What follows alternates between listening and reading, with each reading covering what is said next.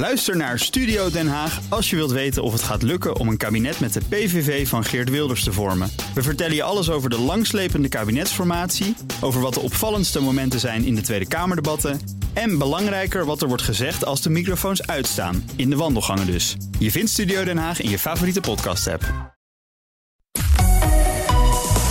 BNR Nieuwsradio. The Big Five. Diana Matroos. Welkom bij BNR's Big Five. Deze week geheel in het teken van 5G. Want 5G-technologie is here to stay. Dat lijkt althans het motto van de providers... die het nu al aanbieden op de nieuwste telefoons. Maar er zijn nog heel veel rode vlaggen rondom het thema. En dus de vraag welke pijnpunten moeten absoluut geadresseerd worden... voordat we 5G echt omarmen. Daarover ga ik deze week in gesprek met de kopstukken uit deze wereld. En mijn eerste gast in deze reeks is Toon Noorp. Hij is de 5G-autoriteit bij TNO, die gelukkig alle ins en outs kent en de fabels van de feiten kan scheiden. Van harte welkom. Hoeveel misverstanden zijn er überhaupt over 5G?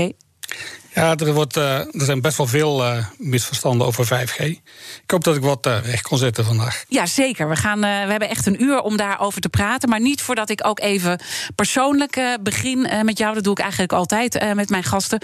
Wat betekent 5G persoonlijk voor jou? Waar zit jouw fascinatie? ik ben eigenlijk al een hele leven, werkzame leven in ieder geval, met mobiele telecommunicatie bezig. Dus het is begonnen met 3G toen 4G en nu 5G. En uh, we zijn eigenlijk begonnen ook met al meteen met het uh, opstellen van de eisen van wat, wat moet 5G nu worden. En daar zijn we dus uh, druk mee bezig geweest, ook in standaardisatie. Dus het is nu heel leuk voor mij om, om daadwerkelijk te zien dat het live is, dat, het, dat je reclames hoort van de mobiele operators 5G je kunt het niet krijgen. Dus, dus waar het, eerst toekomstmuziek was, uh, merk je dus nu, het is er echt. Uh, ik zei al, 5G is here to stay. Dus ik hoor jou dat ook uh, zeggen. Ik neem aan dat je ook persoonlijk gewoon fantaseert van hoe ziet mijn leven er over 20 jaar uit? Neem ons even mee in jouw wereld over 20 jaar. Een van de dingen die we bijvoorbeeld ook met TNO uitproberen is social VR. Dus virtual reality samen met andere mensen. En dan moet je je voorstellen dat je. Nu zit je thuis misschien met een, uh, een, vergadering via Teams of uh, WebEx. Maar dan zit je dus met een uh, virtual reality bril op. En je ziet dus gewoon jezelf in een vergaderzaal staan met de mensen die, waar je mee aan het praten bent. Die zitten rondom die vergadertafel. En dan kun je zo mee vergaderen in virtual reality. En dat lijkt me. Ik heb het wel eens geprobeerd bij ons uh, op het lab. En het is nog niet helemaal zoals het zou moeten. Mensen hebben nog een. Uh, Zo'n virtual reality bril op, want dat zie je dan op de camera. En dat wil je eigenlijk dat dat uh, weggeëdit wordt. Dat je echt gewoon de ogen ook kunt zien. Maar dat lijkt me wel heel leuk om dat. Uh, Daar verheug jij je ja. ja. Zeker als je nu de hele dag thuis aan het werken bent met de coronamaatregelen, dan is het wel leuk om gewoon echt mensen te zien. Ja, dus dat frustreert jou nu op dit moment dat thuiswerken waarvan je denkt met 5G zou dat in de toekomst zou dat echt uh, nou ja, heel mooi zijn als dat zou kunnen. Ja. En nog een stapje verder, misschien zit er dan wel in 6G-tijden, dan heb je zelfs uh, holografische beelden waarbij je dus echt rondom iemand heen kunt lopen. Ik heb wel eens filmpjes gezien uit Japan van uh, Docomo, de Japanse operator. Waarbij uh, de grootouders virtueel als een soort hologram bij de bruiloft van hun kleinkinderen aanwezig waren. En die zie je dan gewoon zo staan. Die staan zeg maar een rijtje met mensen. En er staat een hologram tussen. En dat zijn de grootouders. En, en die zien dan ook zelf hoe ze daar zijn. Ja, bijzonder als ik dat zo uh, voor me zie. En is dat uh, dan alleen iets waar je echt op verheugt? Of zeg je, ik vind ook wel sommige dingen een beetje spannend aan die ontwikkelingen. Want dan kunnen we opeens heel veel dingen natuurlijk die we nu niet kunnen.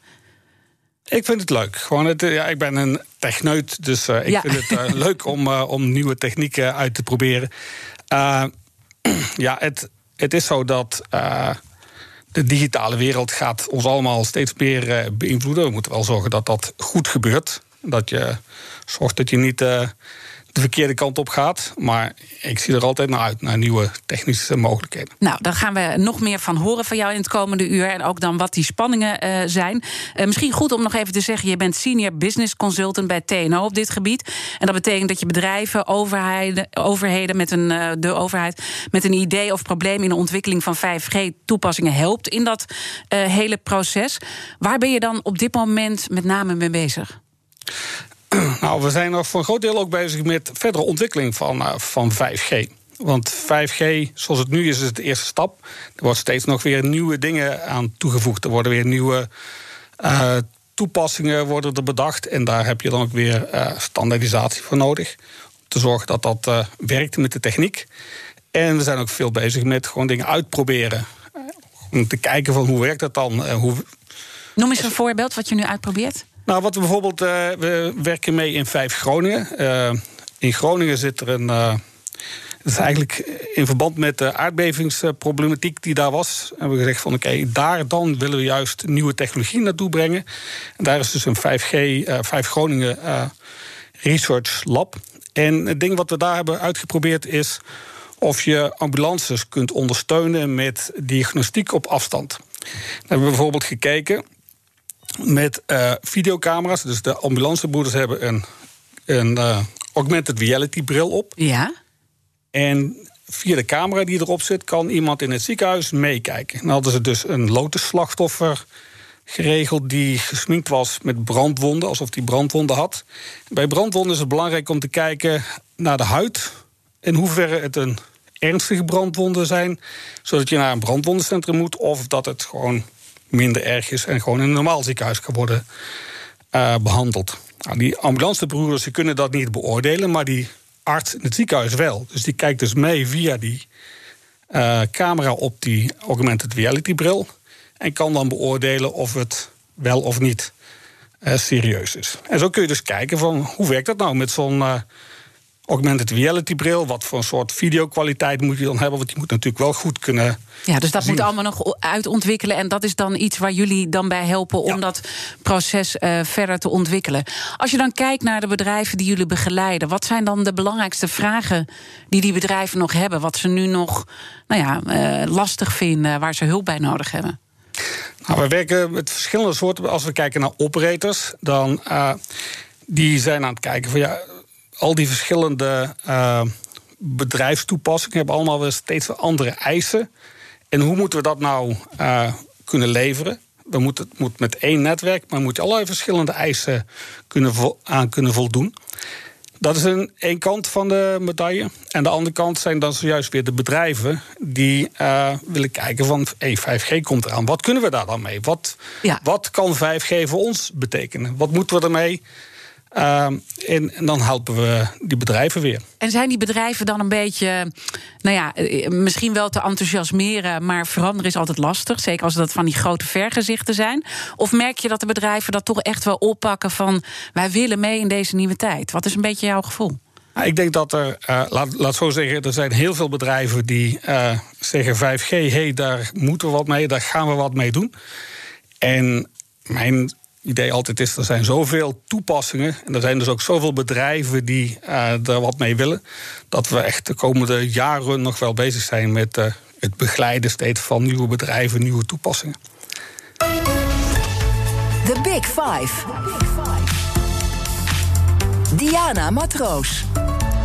Deze week praat ik met de vijf kopstukken uit de wereld van 5G. Zo is morgen de Amerikaanse ambassadeur Piet Hoekstra bij mij te gast. Die natuurlijk, uh, dat weet iedereen ook wel, ten strijde trekt tegen het Chinese Huawei vanwege spionage. Maar vandaag is Toon van Noord bij me.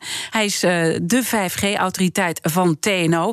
En in de loop van de week zal ik dus uh, met Piet Hoekstra natuurlijk, maar ook bijvoorbeeld met de CEO van Vodafone Ziggo, Jeroen Hoenkamp, die woensdag mijn gast is, zal ik ook de rode vragen vlaggen rondom 5G bespreken. Want die zijn er ook voldoende. Maar Toon, met jou wil ik uh, met name even een feitelijk beeld krijgen over 5G. Wat de belangen zijn, maar ook uh, wat is het? Allereerst, denk je dat is er nog een weg terug? Nee, ik denk niet dat er een, een weg terug is. Je ziet gewoon dat. En een van de belangrijkste dingen die, die 5G moet leveren is de groei van de mobiele datacommunicatie opvangen. We zien met z'n allen dat we steeds meer mobiele datacommunicatie eh, gebruiken. Waar we zeg 10, 20 jaar geleden, als je het nieuws wilde bekijken op je mobiele telefoon, dan las je een tekstberichtje. Nu, als je het nieuws op je mobiele telefoon bekijkt, dan bekijk je een video. En die video kost veel meer data, dat zijn veel meer bitten, die allemaal via de mobiele telecommunicatie moeten worden verzonden. En dat wordt steeds meer. De resolutie van die filmpjes wordt groter. We gaan nog meer video versturen. Als we niet met de nieuwe techniek bijblijven, dan loopt op een gegeven moment de mobiele communicatie vast. Het is net als files op de snelweg. Op een gegeven moment krijg je al die bits niet meer verstuurd.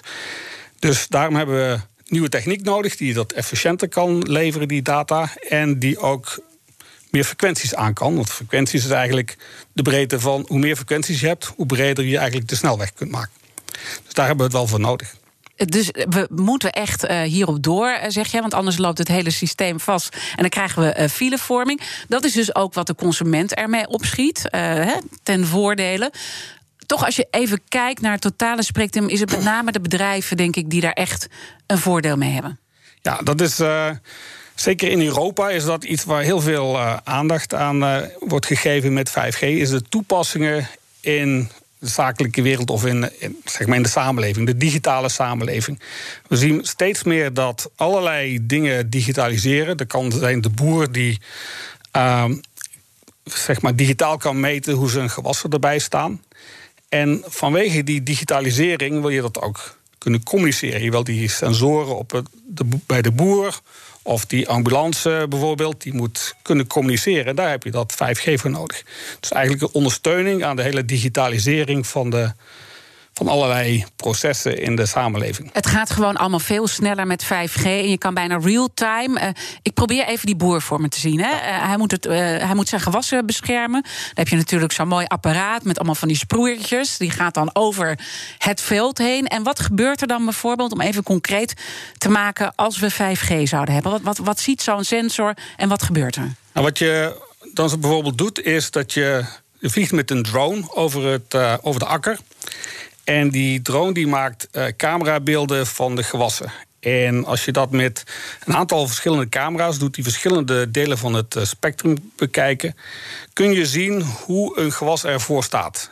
Sommige planten hebben misschien te weinig water, andere hebben te weinig voedsel.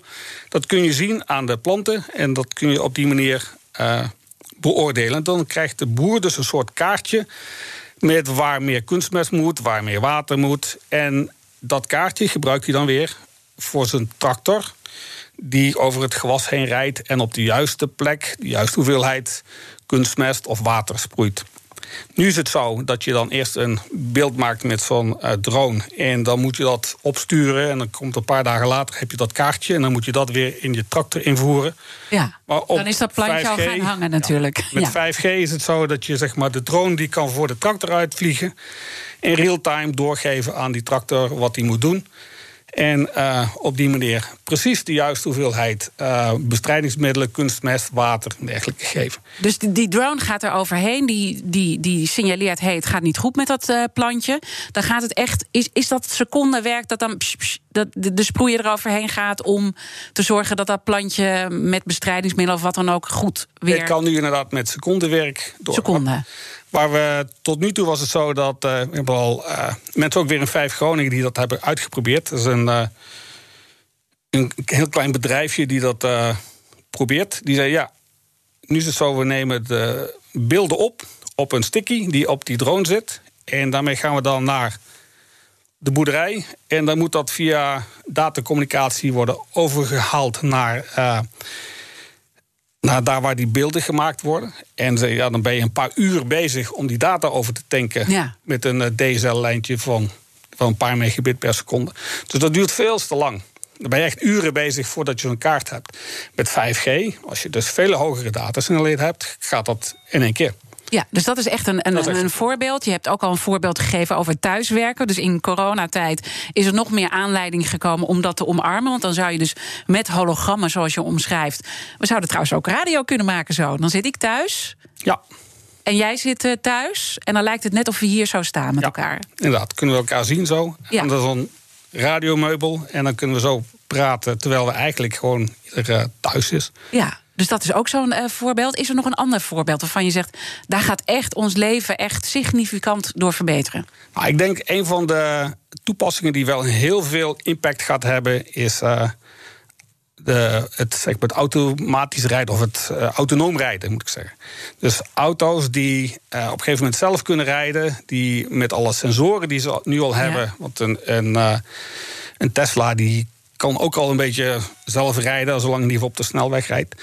Maar dan heb je met 5G-communicatie gaan ook alle auto's met elkaar communiceren. En daardoor kun je nog meer uh, auto's dicht op elkaar laten rijden. Ze kunnen nog meer zelfrijdend worden. Ze kunnen ook praten met de uh, systemen langs de wegkant, dus met die portalen die over de snelweg staan. En als je nou echt verder gaat kijken van wat betekent dat dan, zo'n zelfrijdende auto, dan kom je opeens op hele andere interessante toepassingen. Het gaat, voor een deel gaat het dat je minder files krijgt. Maar ook bijvoorbeeld uh, kun je gaan krijgen uh, zelf parkerende auto's. Ik ben hier met de auto naartoe gekomen nu. Ik heb mijn auto in de garage geparkeerd. Maar in 5G-wereld, dan zou ik gewoon voor de deur de auto neerzetten, uitstappen en tegen de auto zeggen van ga jij maar parkeren. Dus die auto rijdt zelf. Wat heerlijk. Rijdt zelf weg. En als ik dan afloop klaar ben, dan pak ik mijn telefoon en ik roep die auto weer op. En die auto komt weer voor de deur rijden. Ja. Nou is dat een leuke toepassing, maar ik heb ook een keer een eh, verhaal gehoord van Volvo. En die zeiden ja, voor ons in de auto-industrie betekent dat eigenlijk dat we helemaal geen auto's meer verkopen aan mensen. Want mensen krijgen, je krijgt steeds meer het idee van deelauto's. Want Ja. als ik bijvoorbeeld nu van Den Haag hier naartoe moet komen, dan wil ik een auto die daarvoor geschikt is. Zit maar eentje in de auto. Ja. Als ik op vakantie ga, wil ik een andere auto hebben. Maar heeft dat dan met 5G te maken? Want dat zou, Nou, het zou is- het heeft het- nu, zou het nu ook al zo kunnen zijn dan.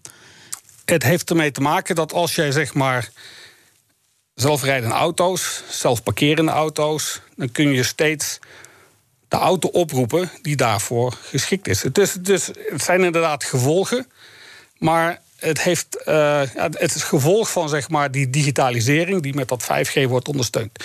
Als je dan zegt van oké, ehm, als we geen 5G hebben, zou dat, of heeft het alleen maar met 5G te maken? Dat is niet zo. Er moeten heel veel andere dingen ook gebeuren. Om zelfrijdende auto's te kunnen krijgen, heb je ook eh, aanpassingen in de wetgeving nodig. Tuurlijk, ja. Wat gebeurt er als Maar er de een ongeluk technologie gebeurt? is natuurlijk daarin heel belangrijk. Ja. Omdat je dus, doordat het zo snel gaat, eh, die communicatie, kan je ook ervoor zorgen dat er minder ongelukken plaatsvinden. Hè? Dat de stoplichten op rood gaan waar ze op rood moeten gaan. Mogelijk om ambulances eh, door te laten rijden. Maar ook dat je eh, nou ja, heel goed ziet als auto's dicht bij elkaar komen. Dan kan je dat gewoon heel snel, files die ergens op komst zijn. Dus dat, dat, dat eh, snappen we. Is er nog iets waarvan we ons nu nog niet kunnen bedenken dat dat gaat spelen. Maar van, waarvan, waarvan jij zegt 5G is daarin echt cruciaal? Er zijn heel veel toepassingen van, eh, van 5G. Ehm, een andere eh, in de logistiek bijvoorbeeld. eh, tracking en tracing van, van containers. Van, is nu. ehm, als je bijvoorbeeld een, een lading met bevroren vlees uit. Zuid-Amerika. Ja. Voor de, de Argentijnse restaurants hier. Die komen bevroren over zee in een container hier naartoe. Je moet eigenlijk constant moet je kunnen monitoren of de temperatuur van die container goed is. Als, je, als die in, in eh, Rotterdam aankomt bevroren, dan is die misschien wel bij de Evenaar te warm geweest. Dus goed als je dat kunt monitoren constant. Maar dan heb je wel eh, ook monitoring van die container nodig midden op de oceaan. Dus wat we daarvoor doen, is dat we zorgen dat we 5G kunnen ook integreren met satellietcommunicatie. Zodat je ook via de satelliet 5G kunt gebruiken. Ja. Niet alleen via een basisstation op aarde, maar ook via de satelliet. En dan kun je bijvoorbeeld die containers, die kun je dan echt overal tracken en tracen. Kijken, overal monitoren. Ten eerste, waar zijn ze? En is de lading die erin zit... Dat kan je continu controleren en dus eh, bijstellen. Ja. Eh, zo zijn er heel veel eh, vragen. Hè, van wat gaat dit nu allemaal betekenen? En uh, vragen zijn er ook als het gaat over energie. Vorige week heeft mijn collega Art Royakkers een hele mooie week gemaakt over de Big Five van de energiedilemma's. En vrijdag sprak je met Marjan Minnesma van Urgenda. En zij had deze vraag voor jou. Nou, ik ben wel benieuwd als iedereen overgaat van 4 naar 5G. Hoeveel extra windmolens hebben we dan nodig om de extra energie die dat vraagt uh, te kunnen leveren? Dus de eerste vraag is hoeveel extra energie heb je nodig van 4 naar 5G? Maar ik zou het graag vertaald zien in aantallen windmolens. Dat is een uh, interessante vraag. Dat was gisteren toevallig ook bij, uh, bij Lubach op zondag. Was er een, uh, een item over het energiegebruik van, van datacenters. Waar windmolens voor gebruikt werden om daar de energie voor op te wekken. Maar dan wel zoveel energie vragen die datacenters. dat eigenlijk alle windmolens alleen maar voor die datacenters bezig waren. Ja. De digitalisering van samenleving vraagt absoluut meer energie. En, uh, en bij 5G is het zo dat als je met 5G meer, uh, meer van die masten, meer basisstations zoals we dat noemen, nodig hebt, dan vragen die ook, in principe zou dat meer energie vragen. Ja. Wat we wel gedaan hebben, ook bij de begin van 5G al, toen we die eisen opstelden van 5G, hebben we gezegd van oké, nou we gaan met z'n allen moeten we dus duizend keer meer data verstouwen met 5G ten opzichte van 4G. Maar we willen dat doen zonder dat de energieverbruik toeneemt. Dus we moeten zorgen dat de techniek van 5G duizend keer energiezuiniger is dan de techniek van 4G. En een voorbeeld te geven is dat je kunt gaan kijken van zorg dat de zendniveaus zo laag mogelijk zijn. Een 4G-basisstation zendt eigenlijk constant een beetje data uit. Zo van, ik ben hier een 4G-mast ja. en uh, ik kan deze diensten leveren. En die staat continu aan. staat die constant aan. Bij 5G wordt gezegd, dat, dat hoeft niet. We kunnen dus veel minder energie verzenden. En alleen als er een mobiele telefoon in de buurt is die die gegevens wil weten, dan vraagt hij dat aan het basisstation okay, en dan dus, worden die gegevens verstuurd. Dus daarin bespaar je energie, maar als jij net schetst wat er allemaal voor vergezichten hè, straks ook uh, realiteit worden. Dan denk ik, dan gaan we heel veel vragen. Dan gaan we continu dingen vragen. Die we, we nou, willen steeds meer. Hoeft niet per se. Als je bijvoorbeeld in een, uh, in een winkelcentrum om binnen in een winkelcentrum uh, goede mobiele dekking te krijgen, heb je heel veel kleine basisstations nodig in dat winkelcentrum. Maar s'nachts is er niemand in het winkelcentrum. Dus dan kun je die basisstations allemaal weer uitzetten. Nou, mm -hmm. Dat zijn bijvoorbeeld technieken die we dus in, uh, in 5G hebben toegevoegd. om te zorgen dat een basisstation, als die ziet van nou, er is hier geen verkeer, ik hoef niks te doen. Dan gaat hij uit. Dan ga ik ook helemaal uit. Ja. Dan ga ik niet alleen. Maar toch, hoeveel windmolens zijn er extra nodig voor 5G? Nou, ik zou dus zeggen, als je gaat kijken naar de, het echte stukje 5G uh, radiocommunicatie, heb je geen extra windmolens nodig. Omdat we evenveel blijven gebruiken als dat we met 4G blijven gebruiken. Oké, okay. ik ben heel erg benieuwd. De... Uh, uh, laten we daar dan straks over verder praten. Want ik kan me voorstellen, als we al die frequenties verder gaan uitrollen, hè, want er moeten nog heel veel veilingen komen, dat we dan toch uiteindelijk meer windmolens nodig hebben. Laten we daar straks over praten. En ook toch een beetje wat dan die nadelen, het hoort er ook bij, uh, wat die dan zijn. Ik vraag het straks aan de 5G-autoriteit van TNO, Toon Norp. BNR Nieuwsradio. The Big Five. Diana Matroos.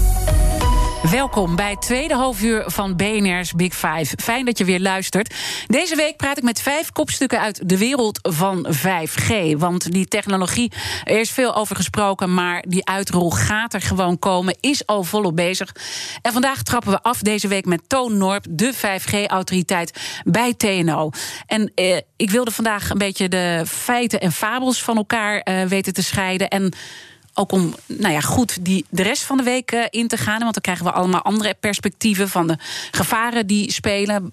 Morgen dus bijvoorbeeld de Amerikaanse ambassadeur Piet Hoekstra... die gewoon zegt, de Chinezen vormen een gevaar. Huawei vormt een gevaar. Nou, ik ga hem daarop bevragen uh, waarom dat is. Maar laten we eerst eens beginnen met die techniek, om die te begrijpen. Uh, 5G, als je het in één zin zou moeten zeggen... wat is het überhaupt, de techniek? Het is mobiele telecommunicatie. Dat betekent dat ik uh, ervoor zorg dat ik vanaf een mobiele telefoon met een andere mobiele telefoon kan praten via de radio. Dat is heel simpel uitgelegd. En hebben we natuurlijk al 2G gehad en 3G gehad en 4G gehad. Komen we dus nu bij 5G. En laten we dan even die technologie heel simpel uitleggen. Het begint even met mijn uh, telefoon. Uh, als ik dan die. Uh, hoe, hoe begint het hier in die telefoon? Even vanuitgaan dat je iemand aan het opbellen bent. Die, wij staan hier in dezelfde studio. Dus maar je belt iemand anders op, dan gaat vanuit jouw mobiele telefoon gaat via de radio een signaal naar een wat wij noemen baasstation. Of ook wel een, een mobiele mast. Je ziet vaak die masten staan eh, met antennes erin. Of op het dak van een gebouw zie je die antennes staan. Dat is het baasstation. Mhm. En vanaf je mobiele telefoon praat je met die antennes met dat baasstation. Maar dan ben je dat nog niet, want je moet nog door naar de andere persoon dan heb je daar vanaf die, die mast, die zit dus vast aan het mobiele netwerk, het core-netwerk of kernnetwerk. Eigenlijk een verzameling computers en, uh, en IP-routers die het verkeer kunnen routeren. Van daaruit gaat het signaal naar de andere mast van degene die je aan het bellen bent. Ja. En daar gaat het laatste stukje weer via de radio. En de persoon die je wilt bellen, die geeft steeds, of de mobiele telefoon daarvan, die geeft steeds door waar ongeveer ze zich bevinden aan het, uh, aan het netwerk. Uh, zodat je weet waar ongeveer naar gerouteerd moet worden. Als je bijvoorbeeld dat je bent op vakantie in Spanje, dan moet het telefoongesprek eerst naar Spanje worden gerouteerd. Van daaruit wordt er dan een soort broadcast, een oproep, een paging noemen ze dat, uitgestuurd. Om uh, de ontvangende mobiele telefoon op te roepen. Mm Die meldt zich dan, wordt dus die verbinding van. En dat gaat allemaal razendsnel, hè? Dat gaat razendsnel. Met 5G eh, gaat dat hoeveel keer sneller dan met 4G? Ehm, nou, op zich, het opzetten van een verbinding gaat iets sneller, maar niet heel veel sneller. Dat, uh, daar zit, het niet daar zit niet de verbinding. De, de snelheid van, van 5G zit over een stukje radio-interface die daar sneller gaat opzetten van de verbinding, dat is het stuk waar je dat, dat hele netwerk voor nodig hebt. Dat, dat gaat niet per se heel veel sneller. Dat heeft met name met, het, met dat netwerk te maken. En dat moet, ja, ja zeg maar. Uh, dus dat is eigenlijk die snelweg uh, die jij eerder schetste, of niet? Nou, de, de snelweg is de radio-interface. Ja. Want hoe meer de, zeg maar. Nu, nu uh, begint het heel technisch en nerdy te worden. Ja. Dus ik wil even iedereen erbij houden, vooral ook mezelf. Dat is niet mijn sterkste kant. Uh, dus, dus die snelweg, dat is die radio-interface. Snelweg is de radio-interface. Dan moet je bedenken, we hebben met 5G zijn er weer nieuwe frequenties bijgekomen. En eigenlijk de, de hoeveelheid data die je kunt versturen via de radio-interface, die is rechtstreeks afhankelijk van hoeveel frequenties je hebt. Hoe -hmm. groot de frequentiebanden zijn. Dus als we weer nieuwe frequenties erbij krijgen, dan hebben we dus meer een bredere snelweg. Dan hebben we nou in Nederland hebben we de 700 megahertz. Ja. Op zich een kleine frequentieband. Er komt straks de 3,5 gigahertz band bij. 2022. 2022. Dan komt die veiling. Want dat is misschien ook nog eventjes goed om helder te uh, maken. Je hebt natuurlijk een aantal stakeholders in dit hele verhaal. De overheid die veilt die frequenties. We hebben de eerste veiling hebben we net gehad. Uh, daar zijn drie providers uitgekomen. Hè, Vodafone, T-Mobile en KPN. Uh, dat zijn ook de eigenaren van de zendmasten. Ja. En dan heb je dus die snelweg, dat, dat is dan wat de overheid uh, veilt, dus de frequentie. En dan krijgen we in 2022 komt er een uh, frequentie bij. En 2025, dan wordt de laatste. En dat is eigenlijk waarmee we de meeste ja. winst gaan boeken met de voordelen die jij net hebt geschetst in het eerste half Inderdaad. uur. Dus dat duurt nog heel lang. Als je gaat kijken naar uh, de 700 megahertz band, dan heb je voor iedere operator heb je twee keer 10 megahertz. En dat is zeg maar de maat van hoeveel capaciteit ja. je hebt. Bij die 26 gigahertz, die hele hoge frequentieband, kan iedere operator waarschijnlijk een 1000 megahertz krijgen. Dus veel meer. Uh, ja capaciteit. Ja, en dan kom je op een gegeven moment ook over de discussie, en die zullen we zeker ook uh, deze week horen, morgen ook met de Amerikaanse ambassadeur Piet Hoekstra, is dat er gevaren zijn dat er in onze systemen wordt geïnfiltreerd. En hij heeft het dan over Huawei en de Chinezen, waar we ons zorgen over moeten maken. Waar zou dat uh, überhaupt kunnen gebeuren? In welk onderdeel van het systeem? Nou, als je gaat kijken in zo'n. Uh, in het hele stuk van mobiele telecommunicatie heb je eerst je mobiele telefoon. Dan heb je je baasstation. En dat is dus uh, een van de dingen die bijvoorbeeld door Huawei, maar ook door Nokia of Ericsson, een aantal, niet heel veel, maar een aantal fabrikanten die dat soort dingen leveren. En dan heb je dat kernnetwerk. Die kernnetwerk met die routers en die, die uh, computers, zeg maar, daar, zou ook, daar zit allemaal software in. En ik denk dat ze bang zijn dat daar ergens software in zit, of in de telefoon of in het baasstation, waarmee zeg maar achterdeurtjes uh, in kunnen zijn gebakken. Mhm. Zodat er dan meegeluisterd zou kunnen worden. En hoe reëel zijn nou die angsten? Vanuit technisch oogpunt. Hè? Dus ik, ik snap dat je niet uh, welke partij dan ook gaat afvallen. Maar uh, wat is überhaupt het reële gevaar? Nou, ik, ehm, ik denk sowieso een, een netwerk, ieder IT-systeem moet beveiligd worden. Ja. Want je hebt cyberattacks, hackers, daar moet je je netwerk tegen beveiligen. En dat is iets wat sowieso moet gebeuren. Voor 5G, als 5G straks zo'n grote rol gaat spelen in de samenleving, dan betekent dat ook dat het wel moet blijven werken. En dat is iets waar echte operators zich uh, bewust van zijn, en ook de overheid zich van bewust is, dat dat goed geregeld moet zijn. Dus mhm. er zijn allerlei beveiligingsmaatregelen uh, voor nodig. Dat je niet zomaar een netwerk kunt hacken. Ja. Nou, de vraag is, in hoeverre speelt daar ook dat probleem van die achterdeurtjes mee? En dat is iets voor de echte experts op het gebied van uh, cybersecurity. Ik zou het niet weten. Ik weet ook niet of er uh, of het ooit een keer gebruikt of gebeurd is dat er dit soort. Uh... Maar je bent er zoveel mee bezig. Hè? Je bent hier elke dag volgens mij mee bezig. Je hebt zelfs een broche van 5G. dat maakt jou echt. Je bent de autoriteit van TNO. Je hoort zoveel. Je moet toch kunnen inschatten of dit echt een, een reëel gevaar is. Even los van welke partij dan dat gevaar vormt. Maar zijn die achterdeurtjes er nou wel of niet? Um, eh, dat, zijn allemaal, dat, is, dat is staatsgeheim vaak. Het zijn, uh, de, het zijn de. We horen verhalen vanuit Amerika. Uh, maar of dat.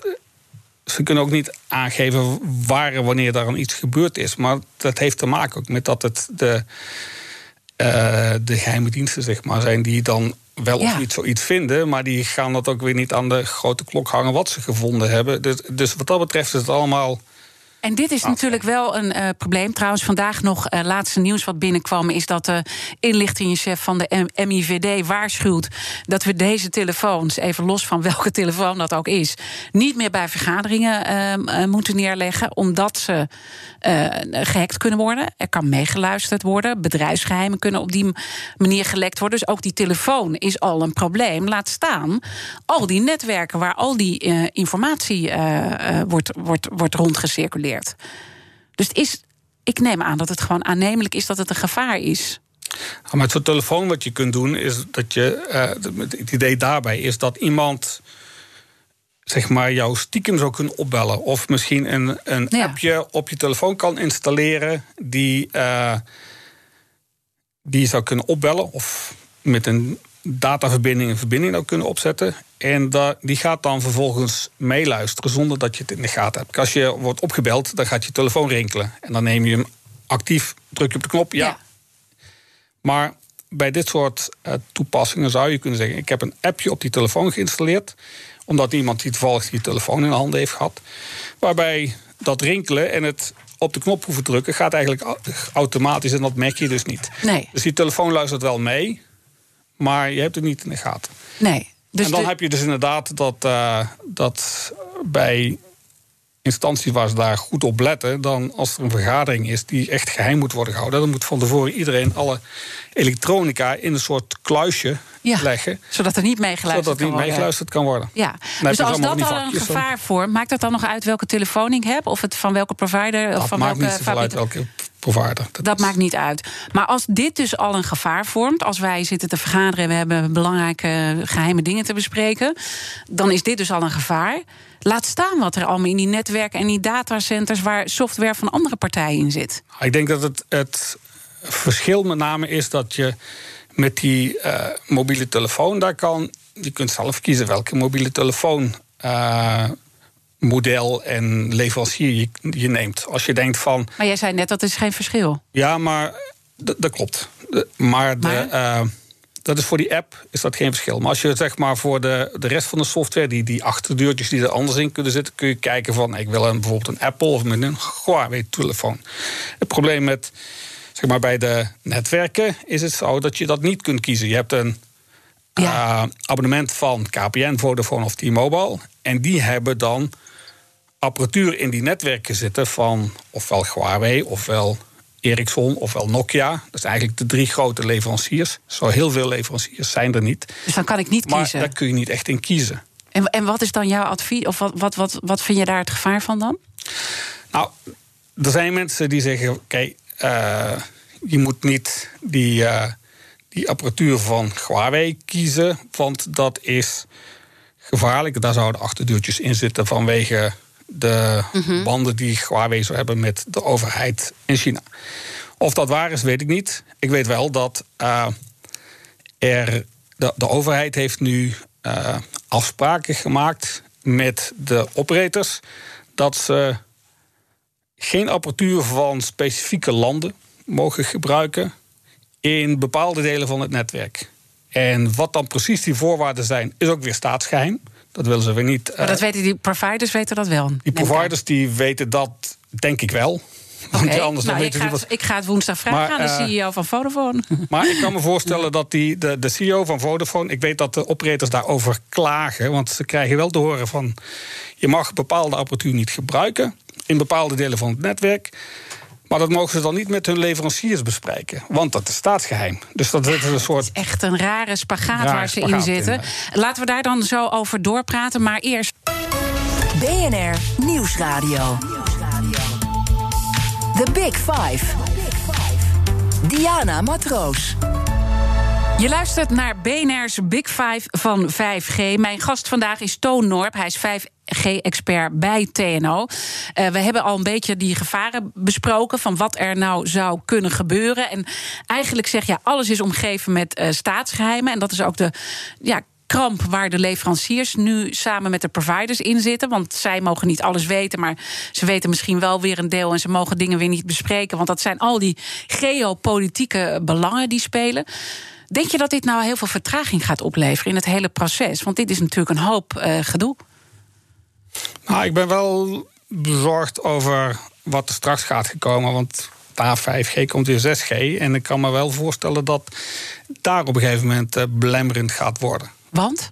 We moeten. Dat 6G, daar zijn wij nu eigenlijk aan het begin van wat moet dat al zijn en wat willen we daar dan mee. Maar dan moet je wel.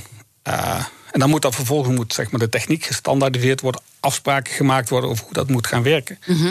Maar dat kan natuurlijk alleen maar als je ook kunt samenwerken met die andere partijen. Dus als we niet kunnen samenwerken met de Chinezen.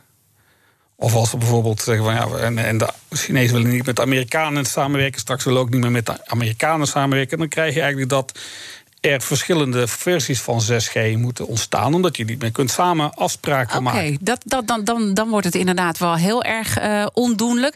Eh, is het misschien leuk om daar ook een vraag over te stellen aan mijn gast van morgen, de Amerikaanse ambassadeur hier in Nederland, Piet Hoekstra. Wat is je vraag? Ah, Ik, zal hem, ik moet hem even eh, in het Engels stellen, denk ik. Want, eh, Dat is wel heel vriendelijk. want ja. anders dan. eh, Hij begrijpt overigens wel Nederlands, maar het is wel chiquer om het in het Engels eh, te doen. Want we doen morgen ook de uitzending in het Engels. In het Engels, Ja. helemaal in het Engels. Ja. Oké, dan zou mijn vraag zijn: Will 6G be a worldwide standard like 5G, or will Europe, US and China each have their own versions of 6G? Dus dat, dat is de, hoe hij daarnaar kijkt. Maar eigenlijk zeg jij, er zit een enorm gevaar... wat we nu aan het doen zijn, door partijen uit te sluiten. Ja, we hadden op een gegeven moment. ik, ik werk veel in die eh, wereldwijde standaardisatie. En daar praat je dus met iedereen eh, constant om te kijken van wat moet die technologie nu worden. Maar op een gegeven moment vanwege de eh, Amerikaanse exportregels mocht, mocht je op een gegeven moment niet meer met Chinese partijen praten. En dat mocht alleen maar als er dan eh, notities van gemaakt werden, die dan publiek werden gesteld. Dus als je zeg maar eh, in de, de gang naast de vergadering iemand tegenkwam, dan mocht je daar dus niet een gesprek mee hebben. Of je mocht niet eh, in een telefoongesprek even afspreken. Dat mochten met name de Amerikaanse partijen mochten dat op een gegeven moment niet. Ja, dat is wel heel erg moeilijk werken om dan afspraken te maken over standaardisatie.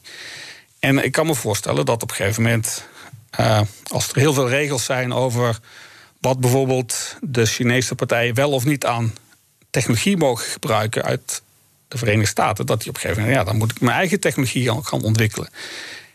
En dan krijg je dus dat je een Chinese versie van 6G krijgt. Nu is het zo, we hebben dat, het is best wel ontwikkeling in de mobiele mhm. telecommunicatie. Dat, zeg maar, bij 1G had ieder land zijn eigen mobiele standaard. Dus als ik naar Duitsland wilde, moest ik een andere telefoon pakken om daar in Duitsland te kunnen nou, bellen. dat is uh, loei onhandig natuurlijk. We hebben nu eindelijk met 4G is het zo dat er eigenlijk nog maar één standaard is. Je kunt met 4G overal ter wereld kun je bellen. Bij 3G had je nog een paar verschillende smaken, maar met 4G echt overal. En met 5G ook. Overal kun je je telefoon gebruiken.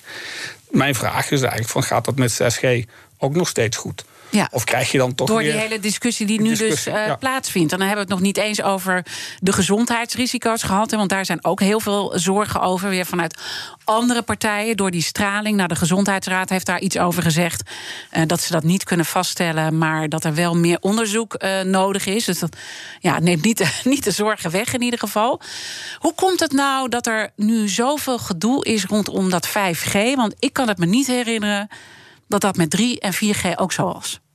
Nou, met 3G was het wel ook zo. Ik denk misschien dat het om de andere generatie weer is. Ik kan me ook voorstellen dat het te maken heeft met de, de aandacht die er gegeven wordt aan de nieuwe technologie. Met, met 3G was het ook zo dat we. Waar 2G was eigenlijk alleen mobiele telefonie, alleen bellen. En met 3G kwam er opeens internet bij. En dan werd er heel enthousiast gesproken over allerlei nieuwe mogelijkheden. Zoals beeldbellen en, uh, en mobiel internet. En dan krijg je toch mensen van: hé, hey, wacht, wat, wat komt er eigenlijk aan? Wat, wat is dat dan? Wat is dat dan de 3G? En hoe werkt dat dan? En ik denk dat dat met name een. Uh, altijd zorgen levert. Dat zien we nu met, met 4G was dat wat minder. Dat was gewoon van ja. Een klein stapje erbij. Een klein stapje, hebben meer, meer snelheid. Uh, niet heel veel bombarie. 5G is wel weer heel veel aandacht. En dan gaan ook weer mensen vragen van ja, hoe werkt dat dan en wat is dat dan? Maar komt dat niet ook door alle geopolitieke spanningen die er zijn en Amerika die zo duidelijk stelling heeft genomen in dit uh, discussiestuk?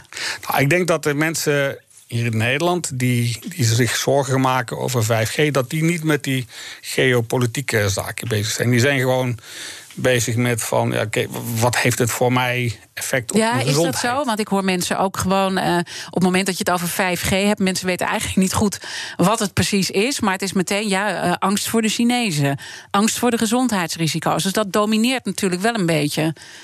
Ja, ik denk dat het, uh, het, het, begon in ieder geval met, met angst voor de gezondheid. En daar zit er dan ook een heleboel fake news ertussen. Op een gegeven moment kwam er langs dat ja, want uh, eh, 5G zou corona ja, omdat het in Wuhan dat, dat, uh, 5G is uitgerold en daar is ook corona begonnen. Ja, dus dat, nou, dat is dus, toen de link. Ja. Dat is dus ook helemaal niet zo. Want het is helemaal niet zo dat. Ja, in, in China zijn ze bezig met, uh, met 5G. En, maar ook in andere landen, in Korea, lopen ze juist. Ja. Lesotho uh, zijn ze in 2018 al begonnen met een grote uitrol. En daar kon je die relatie totaal niet leggen. Dus er is een hoop fake news wat er, wat er uh, uh, tussen zit. Dus daar maak jij je wel zorgen over, denk ik. Over wat dat betekent voor onze positie ook in de wereld... als we daar te veel door worden lamgelegd. Ja, dat... En met name wat we bijvoorbeeld hier in Nederland hebben gezien, is dat, en, en ook in, in andere landen, volgens mij ook in de UK, dat mensen dan overgaan tot het in de brand zetten van baasstations. Ja. En dan wordt het wel heel erg gevaarlijk. Want je moet je ook bedenken, die, die baasstations die in de brand zijn gezet, hebben waarschijnlijk helemaal, al die er nog geen 5G uh, eh, draaien, want dat, op dat moment was dat nog helemaal niet actief. Maar wat er wel bijvoorbeeld in zo'n mast hangt, zijn de uh, antennes, niet alleen van, de, van 4G en 3G en 2G, maar ook bijvoorbeeld antennes waarmee de politie en ambulance werkt, het C2000-systeem. Ja, dus het is gewoon super gevaarlijk als je dat soort uh, dingen gaat krijgen. En dus wordt misschien wel het belangrijkste stuk waar we aan moeten werken, is het maatschappelijke draagvlak? Ik denk dat het heel belangrijk is om daaraan te werken. En je ziet ook dat uh, de overheid zeg maar heel veel informatie geeft. De operators doen dat. We hebben zelf uh, vanuit TNO uh, ondersteunen we kennisplatform.nl. Dat is een website die uh, veel informatie geeft over deze materie, over elektromagnetische golven. Ook van bijvoorbeeld de hoogspanningsleidingen, wifi, ja. maar dus ook 4G, 5G. Dus informatie geven, wat komt er eigenlijk aan? Hoe ziet dat er dan uit? Hebben we nou overal op iedere lantaarnpaal zo'n pizzadoos station hangen? Nee, dat gaat nog niet gebeuren voorlopig. Nou, als je nou laat zien wat het eigenlijk is en wat er aankomt... dan zijn veel mensen al van, oké, okay, dat, dat snap ik. Dus dat is gewoon heel, heel erg belangrijk. Het is niet opeens heel veel anders. Ja daaraan te werken. En dat blijven jullie natuurlijk eh, doen vanuit het TNO. Ik eh, wil je heel erg danken voor dit gesprek. De 5G-expert van TNO, Norp. En natuurlijk zijn zoals altijd al onze afleveringen van BNR's Big Five terug te luisteren. Je vindt de podcast in de BNR-app en op bnr.nl. En morgen, zoals gezegd, de Amerikaanse ambassadeur Piet Hoekstra over 5G. Maar blijf natuurlijk de hele dag live hier BNR. Straks Jurgen Rijman met het programma Ask Me Anything. Ik wens iedereen een hele fijne mooie dag. Ook Thomas van Zeil vind je in de BNR-app. Je kunt live naar mij luisteren in Zaken doen. De BNR-app met breaking news, het laatste zakelijke nieuws... en je vindt er alle BNR-podcasts, bijvoorbeeld Het Nieuwe Geld. Download nu de gratis BNR-app en blijf scherp.